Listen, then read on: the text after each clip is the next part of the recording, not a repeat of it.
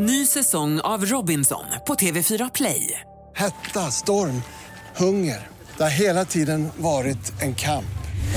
Nu är det blod och tårar. Fan händer just nu. Det. är Detta är inte okej. Robinson 2024, nu fucking kör vi!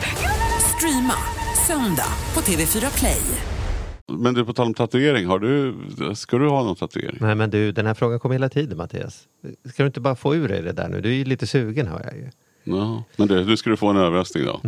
Rätt på, rätt. Va? in. Har du tatuerat dig? Ska du se den? Ja. Är du med? Ja. Nej. Fan. Jag hade ingen aning. Nej. Är den på riktigt?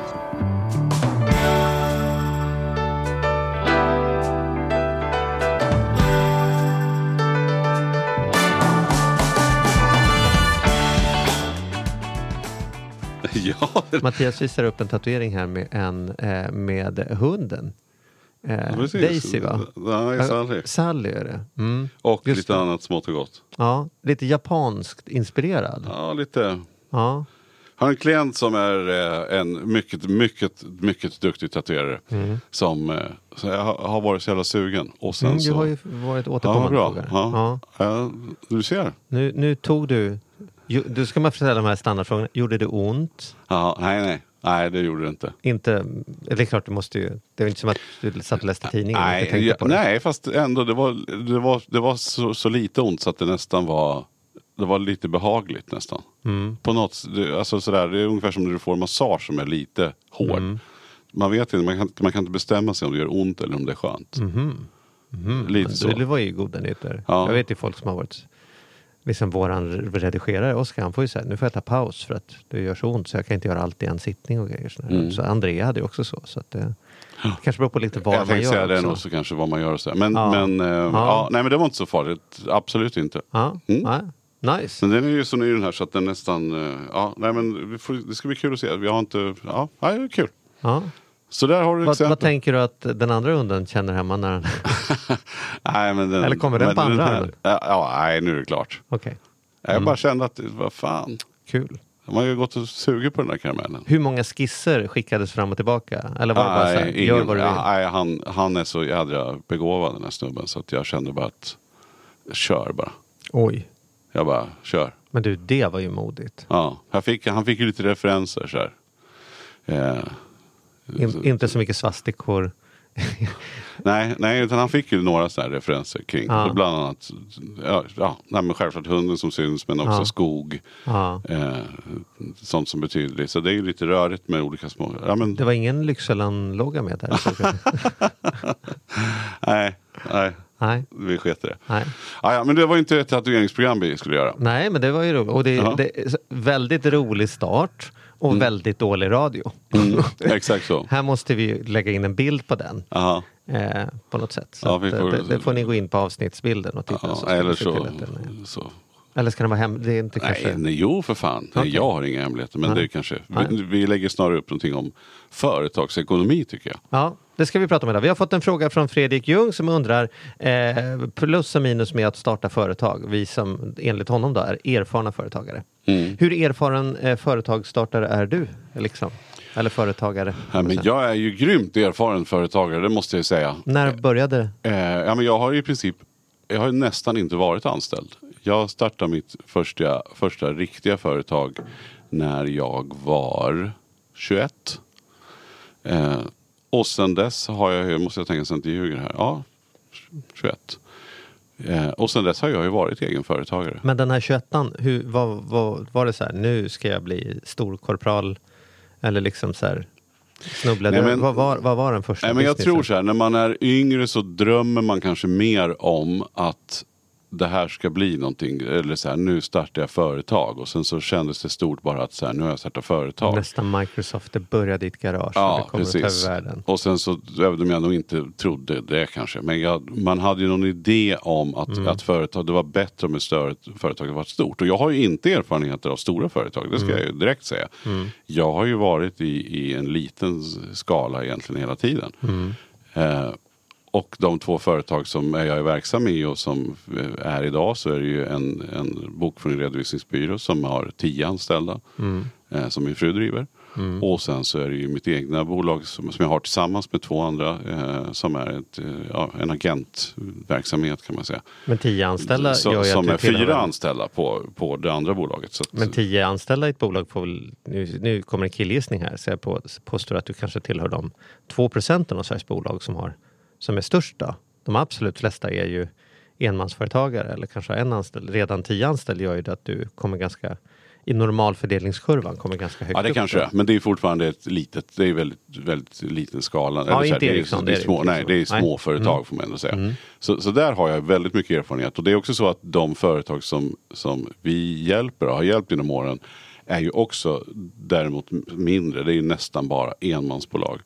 Så att på den nivån har jag jädrigt bra koll. Men nu var det ju starta företag, då vill man ju höra så här, det, det första då, vad var det första? Ja, men det första företaget som jag startade det var ett, ett, eh, gym. Ja, Och då kan man tänka så här. Ja, gym liksom. För nu, men nu, finns det så mycket gym överallt så att det är överbefolkat med gym. Men, men på den tiden, får man ändå säga, så, så var det så att då fanns det world class gym. Där det var stora, jättestora. eh, Det här var runt 90. eh, Precis där i början på 90-talet. Så var det liksom stora biffiga snubbar. Och det var det ena. Och det var bara de som gick på gym. Det var fria vikter och man skrek när man lyfte vikterna. Och man hade linnen som visade bröstvårtorna. Och man eh, det, drog i sig jävligt mycket proteinshakes. Det var liksom att bli stor. Då gick man på gym. Eh, och sen fanns den andra sidan som var, eh, ja, men som, som var Friskis och Svettis. Typ. Det var, de fanns redan då som så här Ja precis, det tydliga var det på liksom. marknaden. Ja, de liksom. var tydliga på marknaden redan då. Det, det fanns ju bara så här antingen eller. Och vi ville verkligen att alla, eller att fler skulle börja träna. Eh, så vi hade sjukgymnast, vi hade massör, man hade olika Mm. klaster och så här. Och det var lite nytt. Så här. Fan, äldre människor och så här, min Mm. mamma gick till ett gym. Det var så här wow. Och det var inte vi som var först, men Sverige-trenden var så. Och då kände vi Så här, det här måste vi haka på. Och, någonstans där så, så var det ju, det var väldigt så här, jag, höll, jag tränar ganska mycket av, med olika sporter och sådär. Jag tränar absolut inte på något gym. Men, Mm. Tennis tre gånger i veckan. Ja, det var möjligt. Ja, men man höll igång, liksom, Mm. gjorde saker. Eh, så så, det, så det, var, det var verkligen, det var ändå revolutionerande. Vi fick väldigt mycket press på att vi gjorde det här. Och, och att det var att det var just det här att alla kan gå dit och sen gick man ut och sålde företagsträningar. Så jag gick runt på, på olika, runt på lite större företag i Nyköpingstrakten då där vi startade där. Och sålde tillfällen. Så här, men okej, ni får köpa 200 träningstillfällen till era Mm. precis. anställda. Och sen fick de komma dit och sen fick de bocka av på en sån här lista som vi hade. Eh, när de tränade. Och det tyckte alla var jättebra. Ja.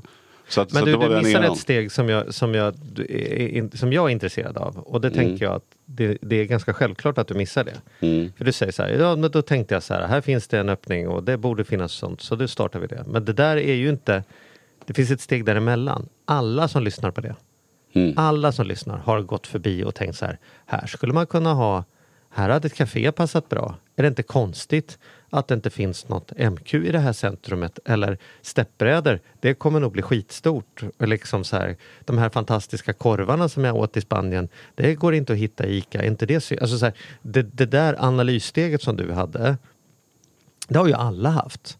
Men det gör ju inte att man går ut och startar ett företag. Det är ett ganska stort steg, framförallt första gången. Det ska fyllas i papper och man ska säga upp sig från sitt nuvarande jobb och man ska göra budgetar och, och liksom så här.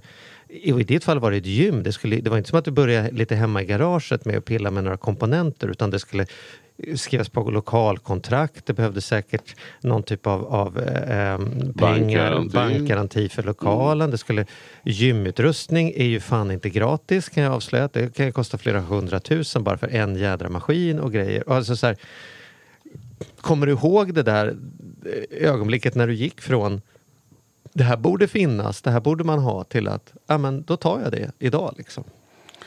För det är ju Ja. det som är lite frågan här. Ja, men Vad absolut. får en att starta? Ja. Och, och det krävs ju, det var ju jättetufft naturligtvis eh, att få ihop det. Och jag lyckades ju övertyga mina föräldrar att skriva på eh, liksom att de att de var borgensmän för, för lån och likadant min kompanjons föräldrar. Och, Mm. De och det är inte så att de har... Ja, nej. Nej men, men, men det var, ja och det var på arslet ska jag säga. Alltså när vi, vi sålde för att vi inte, det gick inte bra. Alltså vi gick, men känslan av, alltså när vi sålde gy- gymmet senare, det var också en, en personlig jobbig sak för min kompis pappa som gick bort och det var, det var tufft och sådär. Men det berodde ju på också att vi hade öppet 7 till 22 alla dagar. Eh, och det jag svor efter att ha haft det här stället, det var så här, jag kommer aldrig mer ha någonting med öppettider. För att det var så, så här, om ingen annan vi hade inte råd att ha folk, men vi var tvungna att vara där själv. Eh, Och var man inte där så man hade ju lovat någon att det skulle vara öppet de tiderna. Om det så kom en Friskus 07.01 på söndag morgon så, så var det bara att vara där. Eh, men, nej, men det var ju ett, ett övertygande att få med banken. Det var tufft redan då. Eh, det är inte så att var- varken hans eller mina föräldrar hade några pengar att skjuta till eller någonting. Utan så pass bra så att de kunde gå i god för det lån vi behövde ta. Jag lärde mig skillnaden väldigt snabbt på resultat och balans. Vi tyckte så här, herregud det kommer ju in pengar. Eh, och alla sa, jag sa för fan vi har inte råd att betala räkningarna. Och då sa de, ja men det är bara att du tar pengar och vi har inte råd att ta ut någon lön. Ja men det är bara att ta när du säljer ett årskort. Jo men sen ska de ju träna där ett år. Och jag måste ju ha pengar att betala räkningarna med. Och jag förstod inte för vi kände direkt att vi måste ha en till uppvärmningsmaskin eller en sån här trapp, eh, stair, någonting. Eh, och, och då kände för att det vart kö. När folk kom in där så, så alla, vi sa att alla var tvungna att börja med att värma upp. Men det fanns bara två maskiner, vi behövde två till. Ja, 35 000 styck. Och då var det så här, men vi köper dem bara, vi hade ju pengar. För det kom in. Men sen fattar man inte att oj, nu vart det likviditetsbrist här. Vi skulle naturligtvis ha lånat de där pengarna och köpt de där trappmaskinerna. Men det fattar inte jag. Så det var en ganska hård och bra läxa. Och som lyckligtvis slutade med att när vi sålde gymmet så fick vi precis, vi sålde det för det vi hade i skulder. Så att för mig var det känslan att gå tillbaks till banken och bara säga så här, här, vi är skuldfria. Och jag tror jag kunde ta ut 20 000 på två år eller någonting i lön. Eh, och lärde mig värdet av blodpudding. Eh, eller lärde mig hur mycket, att man kunde bli mätt ganska länge på ganska lite pengar. Hur kände du då, då när du hade gått tillbaka till banken och betalat tillbaka? Tänkte du så här, det här var, det här var, det här var bra. Det var bra business. Eller kände du så här, här kommer vi undan med blotta förskräckelsen? Liksom, står det var på- en kombination. Därför att det, det häftiga var ju alla kontakter man hade fått och allt man hade lärt sig. Jag lärde mig till exempel bokföring. Den här bokföringsbyrån som vi har idag hade ju inte funnits. För att jag hade en ambition om att vi, jag började med att ta kontakt med Ernst Young som de hette då.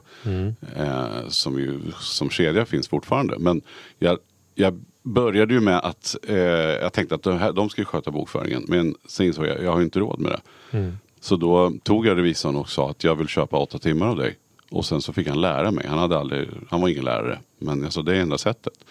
Så att då satt jag liksom och lärde mig bokföra. Bara en sån sak. Så att det var en kombination av blotta förskräckelse och, eh, och fan pepp. Liksom. Nu har jag lärt mig massor med saker. Det här, det här måste jag ju ta tillvara på. Både bokföring, jag hade lärt mig hantera en dator. Eh, Jag hade lärt mig olika program, Word, Clipart, coola typsnitt. Eh, nej, men jag hade verkligen så här, och det, hade, det var ju så att någonstans så var det, det, det, var, en, det var en kombination. Och jag, Men tog, jag du, men tog du ett jobb efter det? Eller tänkte du nu startar jag nästa? Nej, för då, då stod jag ju där och kände så här, vad gör jag nu? För det gick ganska fort. Vi insåg att det här, vi måste sälja, vi måste bli av med det. Och parallellt när vi började känna så, så kom, kom de upp som fortfarande äger det här stället. Vilket är rätt roligt, att det lever kvar exakt samma anda jävligt många år senare. Eh, med samma ägare. Men de kom och sa att vi, vi vill köpa ett gym. Så det här är Eh, lite tur att så jag hade lite tur så att de kom in där. Och, liksom. ja, och Mm. jag försökte förhandla men jag var, gjorde nog en jävligt dålig förhandling. För som sagt det landade bara i att vi kunde betala tillbaks. Men, men då stod jag ju där och så kände man så här, vad, vad gör jag nu då? Från ena dagen till den andra. Så här, om två veckor har jag ju inget jobb att gå till. Men då tänkte jag så här, jag måste ju nyttja då. Så här, och då var det en, så här, vad kan jag dra i för trådar nu? Och då var det en, en gubbe som tränade där. Som hade mobiltelefon. Det vill säga det motsvarar idag som att komma med någon satellittelefon eller någonting. Men han, hade, han var jävligt omsorg kring sig. Han såg jävligt rik ut. Och han kom åkande i en Daimler till gymmet såg jag, noterade jag när han tränade. Eh, Så tänkte jag, vem kan jag ringa som verkar ha mest inflytande som jag gjort bra intryck på? Så jag ringde honom och sa så här, nej men du vet jag ska sälja gymmet och så här. Har du något? Försökte låta cool fast jag var desperat. Och då sa han till mig så här, vad roligt, eh, sa han. Du kan få välja på två jobb. Antingen kan du bli controller eh, på, ett, på ett stort företag som jag har, eh, som jag sitter i styrelsen för. Eller så kan du få jobba som försäljningsansvarig på min chokladfabrik. Du kan gissa vad jag tog. Jag gissar på chokladfabriken. Ja. Ja. Nej, men så, här, och så då var jag anställd där sex månader, sen såldes den och sen så var jag igång. Sen så skapades det ju, sen drog jag igång, eh, vi behöver inte dra hela min historia, den har vi nog redan surrat om. Men, men jag var ju fortfarande det här att jag hade lärt mig bokföring. Så att det tog inte lång tid förrän jag kände shit. Och det var ju för att jag hade jobbat med olika musikfestivaler. Men tror du att du hade lättare än andra att starta företag? Fanns det någonting i din självbild eller ditt kontaktnät eller din... Jag vet inte, jag liksom, som funderar på det där. Att, Jag- att det jag- inte var så märkvärdigt. För för många är det ju verkligen som att beskriver det som att hoppa. Ja, var nog lite halv... Jag, jag brukar tänka på det där ibland. att jag, jag hade nog inte vågat gjort det jag gjorde då. Men då har man ju ingenting på den tiden. Eller för alla som är unga så har man ju inte direkt mycket att förlora. Nej. Så Och länge man- utgår inte från att man kommer förlora ändå. Nej, så länge man inte börjar med att köpa firmabil och trycka flashiga visitkort och liksom Mm. börjar i fel ände. För det är ju någonstans det som man märker.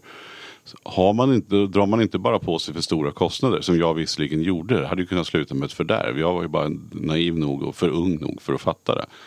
Eh, Men som sagt, kom undan. Jag förstår att mina föräldrar satt emot ganska länge innan de någonstans gick med på att borga för en viss summa. Eh, så, så gör man inte det så har man ju, vad fan det är bara att köra, man klarar sig ju liksom. Och den, det hade jag, jag hade ju inte vågat gjort det idag. Det är jag för feg och för bekväm för. Så någonstans är jag glad att man ändå var lite knäpp och Just gjorde det. där då. Men vad, men Jag hur, började ju- hur är din story? Jag tänkte säga, hur, hur, vad var ditt första företag? För du, Mitt första företag var ett fastighetsmäkleri. Eh, och det var inte ens ett fastighetsmäkleri, det var ett fastighetsmäkleri inuti ett annat fastighetsmäkleri.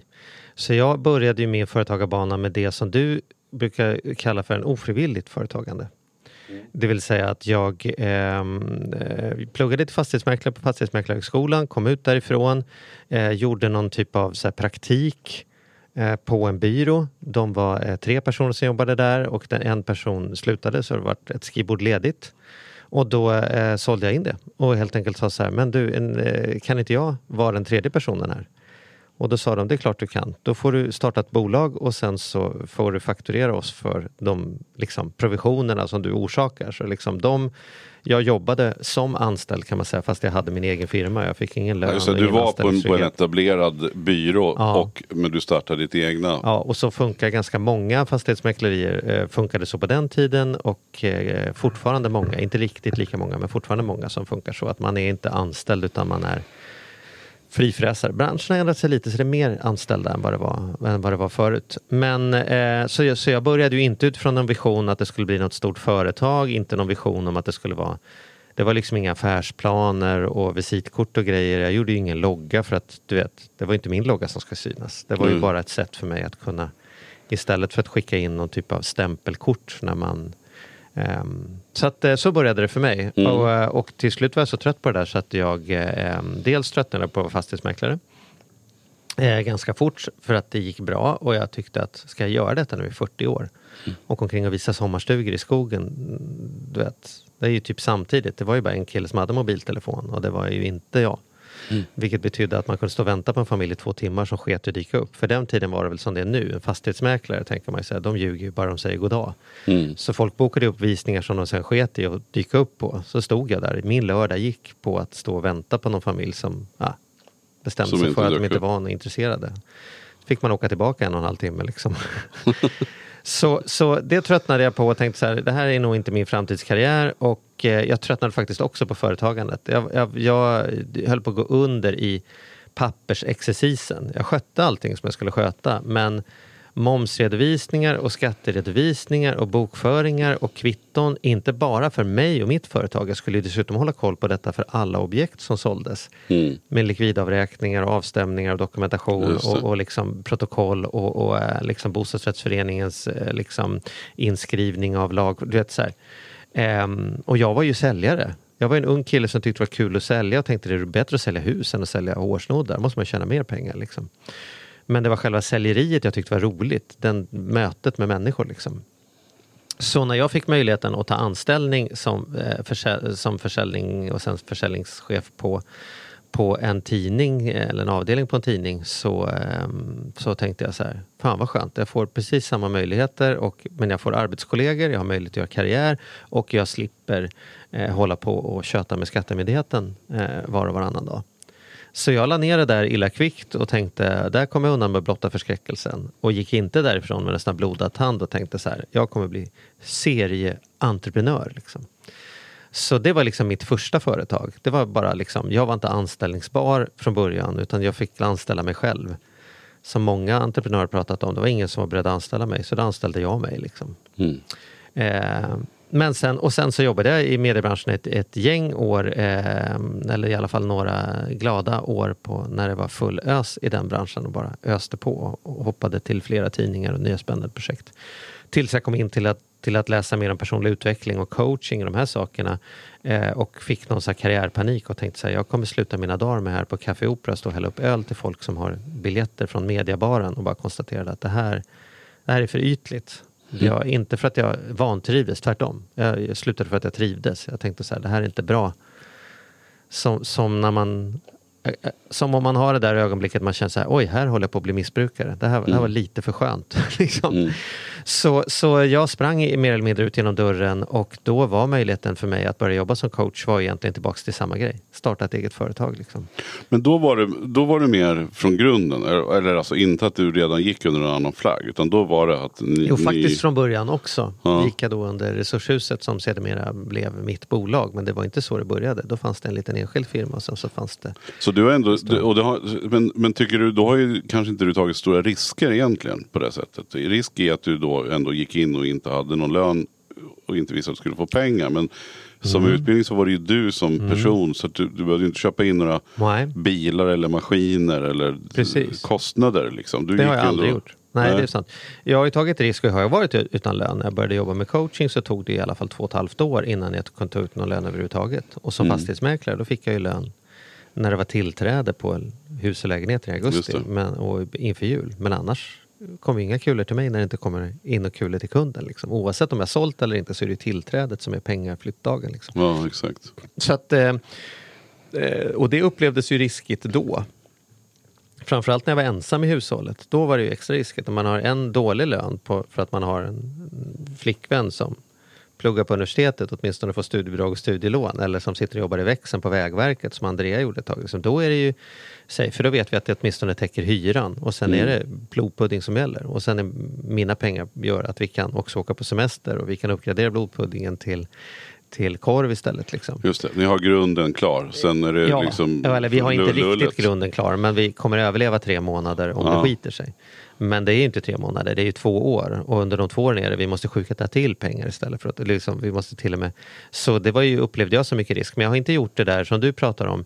Eh, skriva på ett tvåårskontrakt på en lokal, eh, köpa in ett varulager, se till att betala eh, löner i sex månader till folk innan det finns. Utan jag har bara byggt bolag där jag har liksom kunnat skala upp det allt, efter, allt eftersom. Kan man säga. Men sen dess då så har du ju ändå bara inom situationstecken varit egen. Alltså du, du har ju, även om du har haft kompanjoner och gjort det tillsammans och du har Mm. tagit in investerare i dina bolag. Och du har, men du har ju ändå, du har ändå varit egenföretagare kan man säga. Hur menar du? Vad menar du då? Ja, men i att du inte, Definiera. ja, men jag menar att du har ju inte, om inte du har gjort ett jobb i princip så har du inte fått lön. Ja, Alltså, du har ändå, du har ändå, ägt, Mm. du har ändå varit delägare i dina bolag som har gett dig din brödföda. Ja, det har jag varit. Och, men både balansekonomi och resurshuset är bolag som, som jag har utvecklat som har blivit så pass stora så att de har funkar och flyger alldeles utmärkt utan mig. Så att där, där mitt engagemang inte är avgörande för verksamheten. Liksom. Ehm, men men så, har min, så har min företagarresa sett ut. Men för mig var det nog jag tror så här, eftersom jag aldrig har varit obekväm med att skaffa kunder. Jag har aldrig haft det där att det känns krängigt eller, eller liksom pushigt eller du vet, folk som vill framhålla varannan mening att de inte är någon säljare. För att med säljare menar de någon girig jävel som försöker trycka på folk saker de inte vill ha eller är beredd att sälja sin egen morsa för att få två kronor extra. Eh, Den attityden till försäljning har jag aldrig haft utan jag tycker att försäljning är liksom att stå i service, att vara duktig på att hjälpa människor att lösa de behoven som människor har. Mm hjälpa den som vill ha någonting och hitta vägen fram liksom, genom att jag är expert på det området som jag jobbar med oavsett om det handlade om att, att, att tillhandahålla mäklartjänster eller om det handlar om att coacha människor i karriären eller om det handlar om att hjälpa dem Fast du har ju också, absolut, men du har ju också jobbat jävligt hårt. Alltså, Jo, jo, för du jo. har ju också, Jo, det är som ju så här, sjutton. även om bolagen i sig kan funka så hade de ju inte funkat utan Nej, dig. nej, nej, nej, nej. Du, hade, hade, du, hade du blivit sjuk Ja, exempelvis, om, om du hade fått Ja. Mm. en tegelsten i skallen och eh, varit oförmögen att göra saker ett par år så hade det ju inte funkat. Nej, nej. Och så har det ju verkligen varit. När jag fick can- min cancer i huvudet eh, som visade sig vara godartad och ingen fara men från början var det ju väldigt otydligt om det var, vad det var. Liksom, den här cystan, om det var cancer eller vad det var. Då var det ju inte som att det var aktuellt för mig att säga så här, ja då får man väl sjukskriva sig i två år här och gå på operation. Utan det var ju bara hoppas ingen märker något. Upp med en stol på scenen, eh, luta dig mot bilen i lyxfällan. Det var ju verkligen så här. Eh, därför att eh, mitt liv hade ju kraschat totalt både varumärkesmässigt och ekonomiskt om det hade framgått att jag är sjuk. Så det är ju en sån här nackdel med att vara företagare att man tänker så här Nej men nu har jag varit sjuk den här veckan. En företagare fnyser åt det och säger så här, ja, men jag har ju lika mycket jobb oavsett om jag är sjuk eller om jag är frisk. Men en annan sån sak som i där efterhand smärtar mig mer det var ju att jag inte jag ska inte säga att jag inte hade möjlighet, för man har alltid möjlighet. Men jag upplevde inte då att jag hade möjlighet att vara eh, föräldraledig med Primus den första tiden på det sättet som, som jag hade velat. Sen har jag designat mitt, om mitt liv eh, och kunnat tagit kapp mycket av det. Men just det där första året eh, var Andrea betydligt mer eh, ensam med Primus medan jag var som så här, jag måste åka föreläsa, jag måste åka göra TV, jag måste åka och ta den här intervjun. Ehm, och det, är en sån, det, var, det var ett onödigt högt pris att betala. Inte för att skrämma bort någon men, men hade jag vetat... Du vet, när Men man, vadå, när man, du är ju egen företagare, det går, det går ingen nöd på dig, förhör man ju väldigt Ja, ofta. Precis, Pr- tjena du. Mm. Liksom. Så det ska jag säga så här, det, det som är värst med att vara egenföretagare, om vi ska komma tillbaka till frågan, det är ju att eh, det är alltid du som prioriteras i sista hand. När alla andra har fått sin, när personalen har fått sitt och skattemyndigheten har fått sitt och kunderna har fått sitt och allting andra har fått något sitt. Är det då någonting kvar på kontot, då kan du ställa frågan, ska jag betala hälften av detta i skatt och unna mig lite lön? Det är ju liksom nackdelen att man kan inte säga till personalen, det går lite dåligt den här månaden, vad säger ni, ska vi halvera lönen? Då kommer de inte nästa dag, utan säger jag byter jobb, det här verkar oseriöst. Så man får ju liksom sitta utan lön själv och, eller till och med låna på sig pengar för att betala lön ibland bara för att alla, ingen där ute ska bli orolig.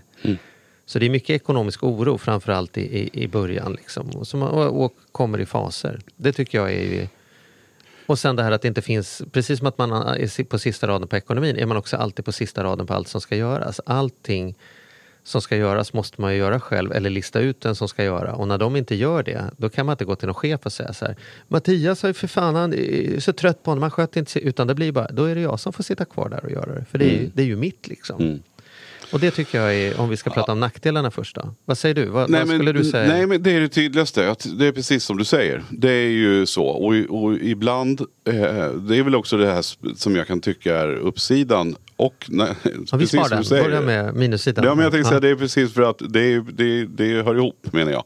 Det är både uppsidan och nedsidan. Det är både det som är negativt och positivt med företagande. Mm. Om man har ett företag som är hälsosamt naturligtvis och man vet att det här det, det är tuffare och går. Men på, på vår nivå på storlek på företag som jag har, har fortfarande och alltid har haft. Eller inte alltid, för det har ju börjat med att jag satt själv och klistrade kvitton till att det blivit en till och en till och en till och så vidare. Eh, men, men det har ändå liksom varit ungefär lika hälsosamt. Så att säga. Eh, och men det har ju också då, alltså det är just den här att det svänger. Och att om personalen och det fattar man ju. Man kan inte tro att man har personal som, som stannar och är liksom trogen i tid och evighet. Jag tror inte det är bra heller. Jag tror det är bra med omsättning. Och måste det är ju människor som kanske inte ska sitta i 20 år eller 30 år. Om man inte trivs med det. Eh, Men då är det ju precis det där att när det har varit tufft så har det ju varit ingen semester. Det har, det har varit att jobba. Och kanske inte för att man inte skulle ha kunnat haft, haft råd att vara ledig. Eh, utan för att jobbet måste bli gjort. Någon jävel, höll jag på att säga, måste göra jobbet. Och det där har vi stått inför väldigt många gånger. I, när man har känt så här, ja men nu, nu är det stabilt eller nu är det lugnt. Men då är det någon som slutar eller man får in någonting extra eller det blir något strul för någon kund. Eller det kan vara precis vad som helst. Som, som det bara är så. Det är, inget, det är ingens fel, det är inga konstigheter. Men rätt för det här så står man. Och även om man tycker att man har marginal och så där. Så rätt för det här så är det månader av jobb. Eh, och där är ju jag otroligt glad för att vi har varit två. Eh, och jag kanske är extra glad för att Malin är mycket bättre på bokföring. Så det är hon som har fått jobbat och jag har fått gjort annat. Men det har vi ju perioder då när man har haft barn och eh, sådär. att Det är ju jädrigt tajt att få ihop tiden. Det ska lagas mat och det ska hämtas och det ska lämnas och det ska skjutsas på aktiviteter. Och sen så måste någon jobba parallellt. Och då tänker jag bara vilken jädra tur att vi är två som har kunnat ta det här tillsammans. Och likväl i mitt andra bolag nu så är vi tre delägare. Där vi kan liksom Ja men om jag behöver vara ledig då kan jag säga att vet ni vad den här veckan är jag ledig. Det vore schysst om ni tog. Och sen har, vi, har det kunnat funkat. Men eh, det, det är också det spännande. Om vi nu ändå säger ja men det är nackdelen då. Att man, man, någon måste göra det. Men då måste jag kommentera på det sista du sa där. För att jag har ju också nästan alltid då, om man tar bort fastighetsmäkleriet och sådär, jobbat i team med andra som kan ta när jag inte kan eller liksom som har täckt upp för mig. Om någon är sjuk så är man där eller liksom så här, du ser trött ut, jag tar det här åt dig. Men däremot har ju Andrea och jag alltid valt att göra så, förutom våra små familjebolag som är holdingbolag. Liksom. Eh, så har vi gjort så att hon har gillat att ha ett jobb att gå till och jag har gillat att driva businessen. Och ibland har det varit som att hon har sökt jobb som jag också har sökt personal till. Mm. Så vi behöver precis en sån person som hon är. Och hon behöver verkligen ett sånt jobb som, som jag har. Men ändå valt att eh, inte lägga ihop ett plus ett där, därför att vi tror att det hade varit är bra för oss i vår relation och i liksom långsiktig trygghet och sådana saker. Att inte sitta i samma, samma Ja, men jag håller liksom. helt med. Och det, så gjorde ju egentligen vi. Det är egentligen därför det finns två olika företag i min värld. Därför att vi kände att vi, vi måste dela upp det. Så att det är ju min fru som driver helt och hållet eh, redovisningsbyrån. Eh, Totalt. För att vi har olika lokaler, olika bolag och för att vi ska ha något att snacka om. Vi var livrädda för att här, här tar, kommer kärleken att, dö. Och vi jobbar ihop. Vi satt tillsammans för många år sedan i samma rum till och med med ett skynke emellan oss. Som vi, vi måste ändå dela av. Men vi trodde det här blir jättebra. Och det här är inga problem. Men vi kände nog båda att det här, det här kommer inte att funka. Och också väldigt otydligt. Vem är det som driver och vad. Och väldigt konstiga signaler till, till personal och sådär. Så att det, det insåg vi ganska tidigt. Vilket jag är glad för Kan funka för några, men det är inte kan säkert funka för många. Och, det där, och jag hör ju sådana här solskenshistorier. Jag träffade någon småländsk företagare som hade gått väldigt, väldigt bra för ett par. Och de är, så här, de är så sagolika så att man undrar om det verkligen kan funka. De, de ställer klockan varje morgon på kvart över fyra. Sen går de upp och sen gör de smoothien ihop. Och sen går de ut på en lång promenad ihop. Eh, och sen så väcker de barnen ihop. Och sen går de till jobbet ihop. Och sen håller de på så att det är jävla putsinuttigt så jag fattar inte. Liksom. Jag skulle spy på tanken. Eller jag spyr nästan när jag hör det. Eh, men jag är ju likväl fascinerad. Ja, Det ja, om ja, det, är, det så Ja. så är det ja, om det nu är så. jag inte alls. Det Precis. ju Nej, men det är fantastiskt. Ja, men jag, Ja, här, men jag det, förstår att Men jag tror att man måste, alltså det jag menar, det jag vill förmedla till lyssnarna är ju att, att vara noga med att prata om det här. Om man nu får en, om man har ett familjeföretag. Jag vet ju också familjeföretag generellt sett där man kanske där man har haft en pappa eller mamma som har drivit ett företag. Så när man två, tre syskon som plötsligt ska ta över det här företaget. Jag tror att man måste likt ett äktenskap och samboavtal och äktenskapsförord och allting vara precis lika noggrann när det kommer till företagande. Dels att prata om det här som du och Andrea uppenbarligen gjort. Att, nej, men vi har valt att, hon, hon- att, den, att ni inte är involverade alls egentligen i bolagen ihop. Eller som vi har gjort då, att vi har hittat en lösning och pratar jävligt mycket om det. För att vi har lärt oss att vi måste göra så för att det ska funka. Men det tror jag är verkligen grejen. Att, att det är så jädra gulligt när man är nykär. Man tycker det är mysigt när partnern släpper en fis och tycker det är liksom härligt bara.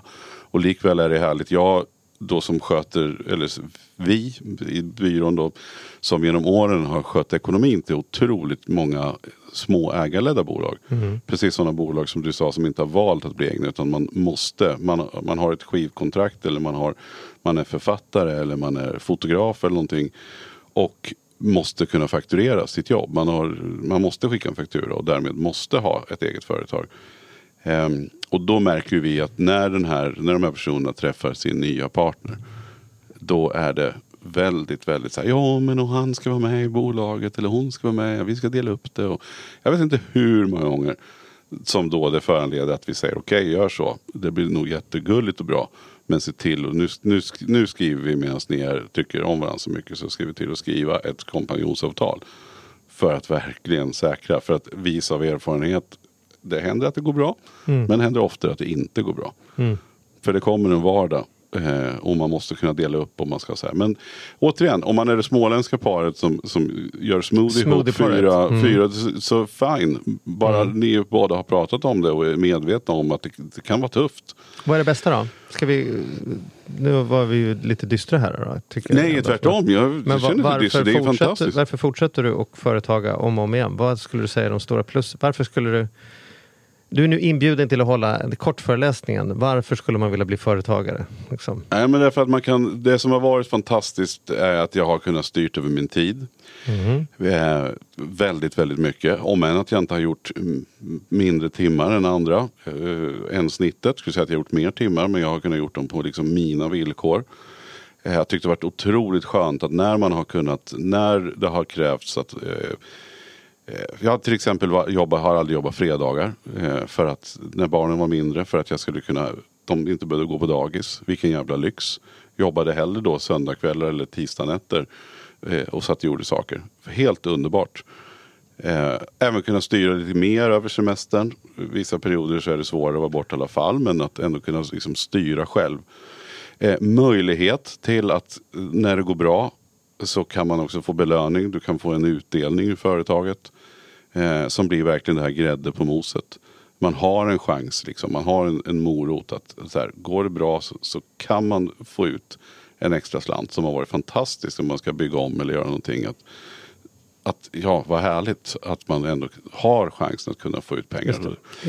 Om, man, om, man är, om man jobbar som kock, då finns det ett minimi hur mycket man vet att man kommer tjäna. Det är ingen kock som tjänar under Nej, 20. det men, men det finns å andra sidan ingen kock som tjänar en halv miljon. Utan det finns en Ja, det max finns också. nog i och för sig. Men, men, eh, Men som du äger restaurangen, då finns Ja. det inget minimum men det finns heller inget maximum. Du kan faktiskt, Och det här är ju så här, är, och många får ju den här, jag har ju till exempel in, in, aldrig, eller egentligen inte haft någon hobby Mm. under alla år. Eh, många säger, "Men vad gör du på fritiden då? Och då svarar jag alltid så här, "Nej, med barnen, det låter så jävla klyschigt. Men det är ungefär, det är ungefär där det är. Jag, jag har inte haft någon hobby. Jag, jag, jag spelar ju tennis som du. Mm. Tre gånger i veckan. Ja, fast nu fan spelar jag inte riktigt tre, men ändå.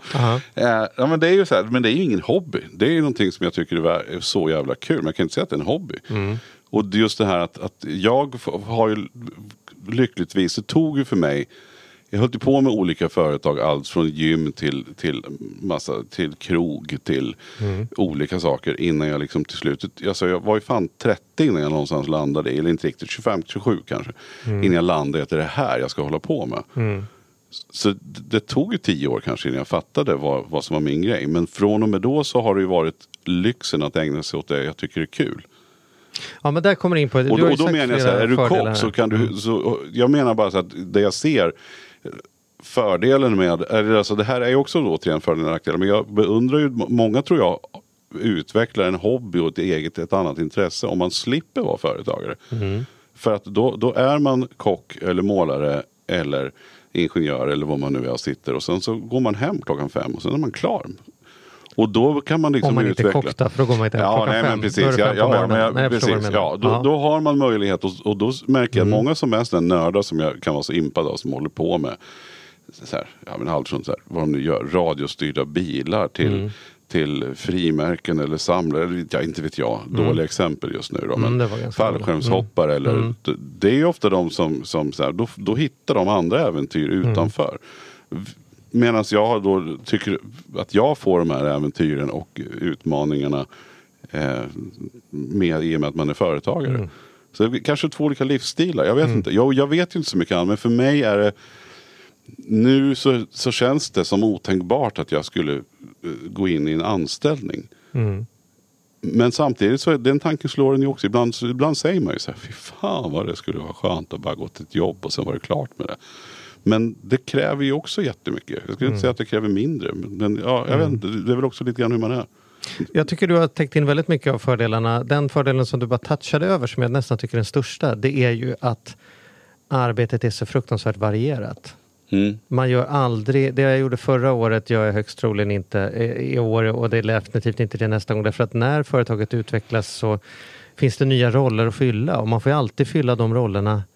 Det blir ju lite så att man, man får göra ett jobb tills den avdelningen har blivit tillräckligt stor så man kan anställa någon och lära den personen hur man gjorde, ofta liksom. Och då far man vidare och, och en, en, när man är på en tillväxtresa, då är det jättespännande att, vet, jag kommer ihåg, att en dag så hjälpte jag eh, två säljare eh, hur de skulle bli bättre på att ta hand om kundservice i telefon. Och sen så gick jag hade någon typ av fackmöte. Och sen tittade jag på en ny lokal. Och sen var jag på en reklambyrå och diskuterade vad vi hade för auditiv profil, det vill säga hur vi låter som företag, precis som man har en färg eller och då tänkte jag så här, shit vad jag gör mycket, jag har jobbat hela dagen men, men helt olika saker, man skulle säga att det är fem, sex olika jobb. Och det är ju kul, man får ju panik om man är eh, om vi tar bort könsperspektivet, men duktig flicka då, liksom, och, och vill vara bra på allting man gör, då skulle man ju få panik. Man måste ju ha någon typ av självkänsla i att, att eh, jag- får göra det bästa med det jag har och jag får lära mig på jobbet. Om man bara vill kunna sakerna från början, då är det ju inget smart att starta företag. För 90% av tiden håller man ju på med annat än det man egentligen kan. Liksom. Ja, jag fattar. Men det beror också på vilken bransch du är i. För jag kan ju också känna så här, många företagare är ju precis den företagaren som, som väljer så här, "Nej, men jag startar min egen rörfirma och den har jag. Sen jobbar jag 100% som röris. Och eh, har mer, man har de här möjligheterna men man har kanske inga andra ambitioner än att bara vara Nej, sin egen. Ja, precis. Och Men även om man är uppgifter. så behöver man helt plötsligt lära sig om digitaliseringen, att kunderna ska fakturera via mobilen absolut. och man behöver titta på om man ska köra tjänstebil eller om vi ska köpa loss den och då behöver man sätta sig in i det och sen så dyker det upp kurser man måste gå vidare. Utbildning på ny, säkert våtrum 2020 och sen så Mm. Jo, plötsligt sitter man där och pillar med logotype så det blir ändå liksom Jo men visst är det så, det är klart att det är. Och, och så. Men jag bara menar också att, för du pratar också om tillväxt, att det är ju inte per automatik, för det har jag känt, att jag har inte något behov av att ha en större tillväxt. Jag, jag har, det har aldrig drivit mig. Utan, och det är inte så här, ja nu är, jag, nu är jag mätt och nöjd och glad. Men jag har inte haft ambitionen att bli ett stort. Det hade man ju som vi inledningsvis snackade om. När man var yngre så var det så här, fan vi ska starta någonting och nu jävlar. Och Det var liksom pengar som drev en. För mig har det ju från, det har ju verkligen varit som man tänker pengar på ena sidan, tid på andra sidan. Och sen en rita en kurva. Så går den ju sakta men säkert över att få mer tid istället för mer pengar. Och det har ju gjort att jag har, eller vi ska jag säga, har ingen ambition eh, Framförallt inte med, med redovisningsbyrån att vi skulle bli några ännu fler. För det kommer ställa ännu högre krav. Det kommer eh, ja, innebära en massa andra saker. Utan mer så att hitta en, ett, ett triv, alltså en jävligt schysst vardag där man förhoppningsvis kan få mer tid. Det är ju så. Så att det, tillväxten behöver ju inte alltid vara per automatik i egna bolag menar jag. Inte på den nivån. Sen är det ju beroende på som sagt vilken bransch man är i. Men det vore ju tråkigt att säga så här, nej vi vill inte, vi vill inte tjäna mer pengar. Eller vi vill inte, ja, fast däremot så vill man få en, en Många drivs ju av det. Men för mig har, är det inte det som driver grejen. Ja, jag håller med. Du, eh, vi ska avrunda där tänker jag med en annan fråga som bara kom in som jag inser nu att vi kan, faktiskt kan anknyta till här på slutet. Vad tycker vi om de här halvföretagsgrejerna då? Om man nu eh, är rädd eller så här. är- det värt att använda sådana här bolag som så här, vi fakturerar åt dig tjolahoppsan så du, jag kan börja som rörpulare eller som fotograf men sen så anlitar jag ett bolag som skickar fakturorna och tar hand om ekonomin åt mig så att jag har inget eget företag utan jag bara får allt som lön. Är du med på vad jag menar? Vad de heter? Eh, Jag ska inte nämna några specifika namn. Nej men eftersom du frågar så, så ja, du, jag är fel person att fråga eftersom jag eh, eh, har varit intresserad och, och ty, tycker att vikten av att ha koll på sin ekonomi Men det är vi som har fått frågan. Så Jag vet, så jag skulle svara jag skulle svara eh, nej, jag tycker att du istället ska ta så mycket ansvar och lära dig själv. Och jag tycker, men jag tycker absolut inte att du ska sitta och bokföra själv. Jag tycker du ska anlita en bra Mm. byrå. Eh, som sagt, jag snackar egen sak här. Men jag har ju sett att det, istället för att ge bort eh, x antal procent av sina fakturer så tycker jag att man, så tror jag och upplever att det blir både billigare och man får bättre koll. Och tar ansvar själv. Så mitt svar är definitivt att man inte ska göra det. Men jag vet ju också de som har kommit igång tack vare att de här tjänsterna finns. Det vill säga sådana här factoring-grejer. Eh, och mycket för frilansare. Det vill säga de som är allergiska mot papper och känner att jag hade aldrig gjort det här om det inte hade funnits för de här. Och då är väl det jättebra då. Men jag tycker då att det kan väl vara en, en startup. Men över tid så tycker jag att man ska gå in och ta det ansvaret själv. För det kommer vara kul när man förstår. Som vi alltid säger, ekonomi är inte svårare än plus och minus. Det är ingen jävla vetenskap på det sättet. Det är Nej, jag håller med. Så. Driva bolag i Sverige är dessutom, att starta bolag som många människor har ångest över, det är ju väldigt lätt. Mm. Alltså väldigt lätt. Lägga ner ett bolag är lite klurigare. Men starta ett bolag är väldigt, väldigt lätt. Det behöver knappt skriva ut några papper. Det är bara att gå in och fylla i ett formulär på, på en hemsida och liksom mobilt bank-id och sen ska det öppnas ett konto. Det, det är inte svårare än bara att sätta igång. Liksom. Det, att pensionsspara som anställd i Sverige är betydligt mer svårt än vad det är att starta bolag. Sen är det lite saker att hålla koll på med skatt och, och, och, och moms och grejer och sådana saker. Eh, Men det är värt Men, att lära men ta det. reda på det så att du inte liksom går och undrar. Jag håller med dig helt. Mm. Avslutningsvis vill jag säga så här, den som jag tycker, jag tycker alla borde, jag är så här, för företag, flipp eller flopp, då är jag ju på flipp. Mm. Ja, ja. Eh, Det ska jag säga direkt. Flipp, flipp. Jag är Den enda som jag, det enda som jag vill liksom ge som en tydlig brasklapp, så det är ju så här, du behöver vara beredd att gilla att sälja och serva dina kunder. Om du gillar att sitta i trottning, drottningtronen och vänta på att folk ska komma och knacka på och be om, om att få köpa dina saker, då ska du nog ta anställning någonstans eh, i något företag som du lyckas lura in dig på. Därför att oavsett om det är nytt eller kommer bit för man måste gilla att prata för sin vara, prata för sin produkt, eller åtminstone gilla att lära sig det. Och acceptera någonstans att kunderna har alltid rätt någonstans. ja. Alltså, det är väl en sån klassisk sägning. Men att man får lov att släppa eh, viss prestige och eh, annat. För att det är liksom. Man behöver, man behöver få dra ner brallorna Ja. eh, rätt ofta. Ja. Och det kan ju vara helt okej. Måste, men då måste jag bara fråga dig, bara för att du sa det. Mm. Du sa så här, jag vill ändå lägga, slänga in en brasklapp. Ja. Vad betyder brasklapp? Brasklapp är, är ju... Alltså jag eh, förstår vad du säger, jag hör Ja. säger, men vad är en Stockholms brasklapp? Boblad. Eh, biskop Brask eh, tvingades skriva på ett dokument om att man ville eh, avsätta kungen när man ska göra revolution och grejer. Men, eller han ska sätta sin signatur. Då smög han in en liten lapp i det här, eh, du vet den här eh, lackstämpeln på den. Så sen när det sket sig då, då och eh, eh, han stod med där på så, så här, ja, det här är inte bra, skit med det, ner med Adam, på det. Då, eh, ehm, då eh, skulle de hugga huvudet av allihopa och då sa han så här, men jag var faktiskt, jag skrev inte på frivilligt. Så bara säga så här, det, ditt namn står här. Så här, men bryt isär mitt sigill så ligger en lapp där inne där jag har skrivit, här till vad är jag nöd och tvungen. Så att det är en brasklapp, det är när man är säger någonting men egentligen det. menar någonting annat. Som jag minns du det. Kan jag faktiskt, ja, ja. en brisk, Ja, då fick jag lära mig något nytt idag. Det var, det var ju toppen. Nej, det- men på, på- med företag för fasan. Ja. Ta ansvar, var försiktig, eh, inse, var rädd om familjen när du startar. Mm. Både att det tar tid och eh, när du blandar in din, din eh, nära och kära, så var försiktig.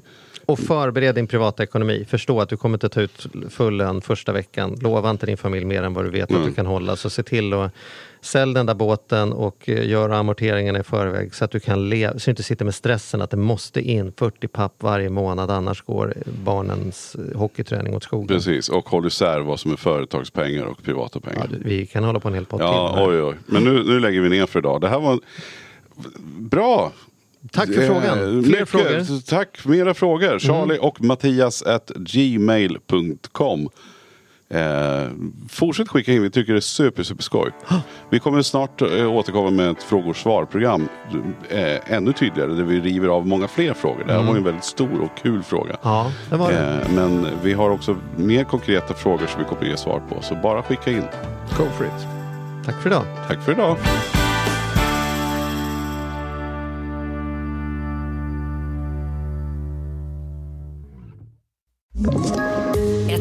Poddtips från Podplay. I fallen jag aldrig glömmer djupdyker Hasse Aro i arbetet bakom några av Sveriges mest uppseendeväckande brottsutredningar. Går vi in med hemlig telefonavlyssning och, och då upplever vi att vi får en total förändring av hans beteende. Vad är det som händer nu? Vem är det som läcker? Och så säger han att jag är kriminell, jag har varit kriminell i hela mitt liv men att mörda ett barn, där går min gräns. Nya säsongen av Fallen jag aldrig glömmer på Podplay.